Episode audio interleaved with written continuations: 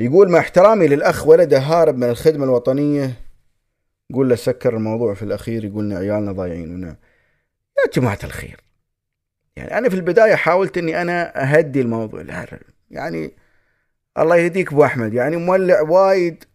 زي سير حاسب نسيبك أنت بدل ما تأخذ العقال وتقول دخلون الزنزانة عليه أنا أربيه هالولد. خذوه وردوا لي عينه بس. طالع لي على الهواء. تقول والله الشرطة كفوا عليهم الشرطة. ريايل الشرطة. رجال هذيل الشرطة.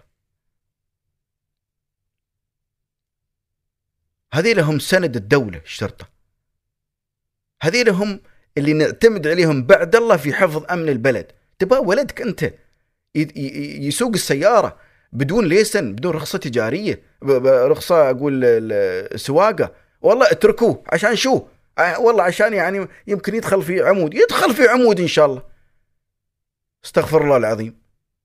يعني لهالدرجة أنت حريص على حياة ولدك مستهتر بحياة الآخرين؟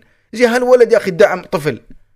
شو ذنبه الطفل؟ شو ذنبه الأم من البلكونة تشوف ولده يندهس من واحد ما عنده ليسن؟ والشرطة يعني ما بنا والله أول مرة على الشغلة هاي.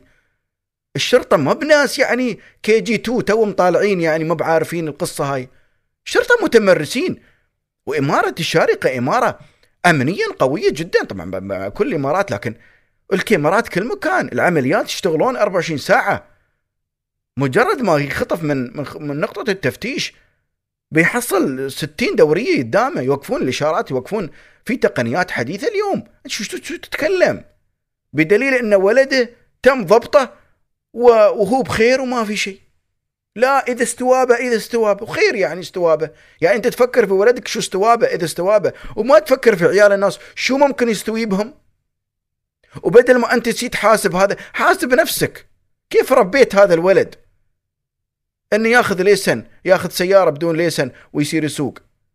تعال يود نسيبك. أنت حنش بس بطل على على الشرطة؟ تعال يود نسيبك.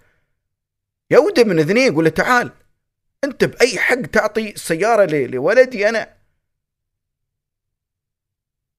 وهذا نسيبك يعني يحرك ضده قضية في المحاكم.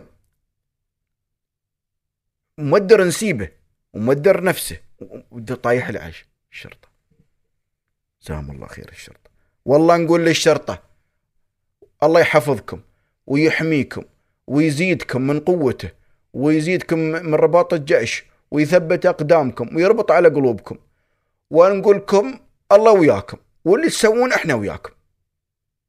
وإحنا ندري إن الشرطة دائما هم أول الناس اللي ينفذون القانون. واللي يقولها غير هالكلام كلامه فاضي. ما بقول أكثر من هالكلام. كلامه فاضي. فاضي بمعنى الكلمة. فاضي بمعنى الكلمة. ونقول للشرطة ابويه دوسوا وإحنا وراكم. الله يخليكم.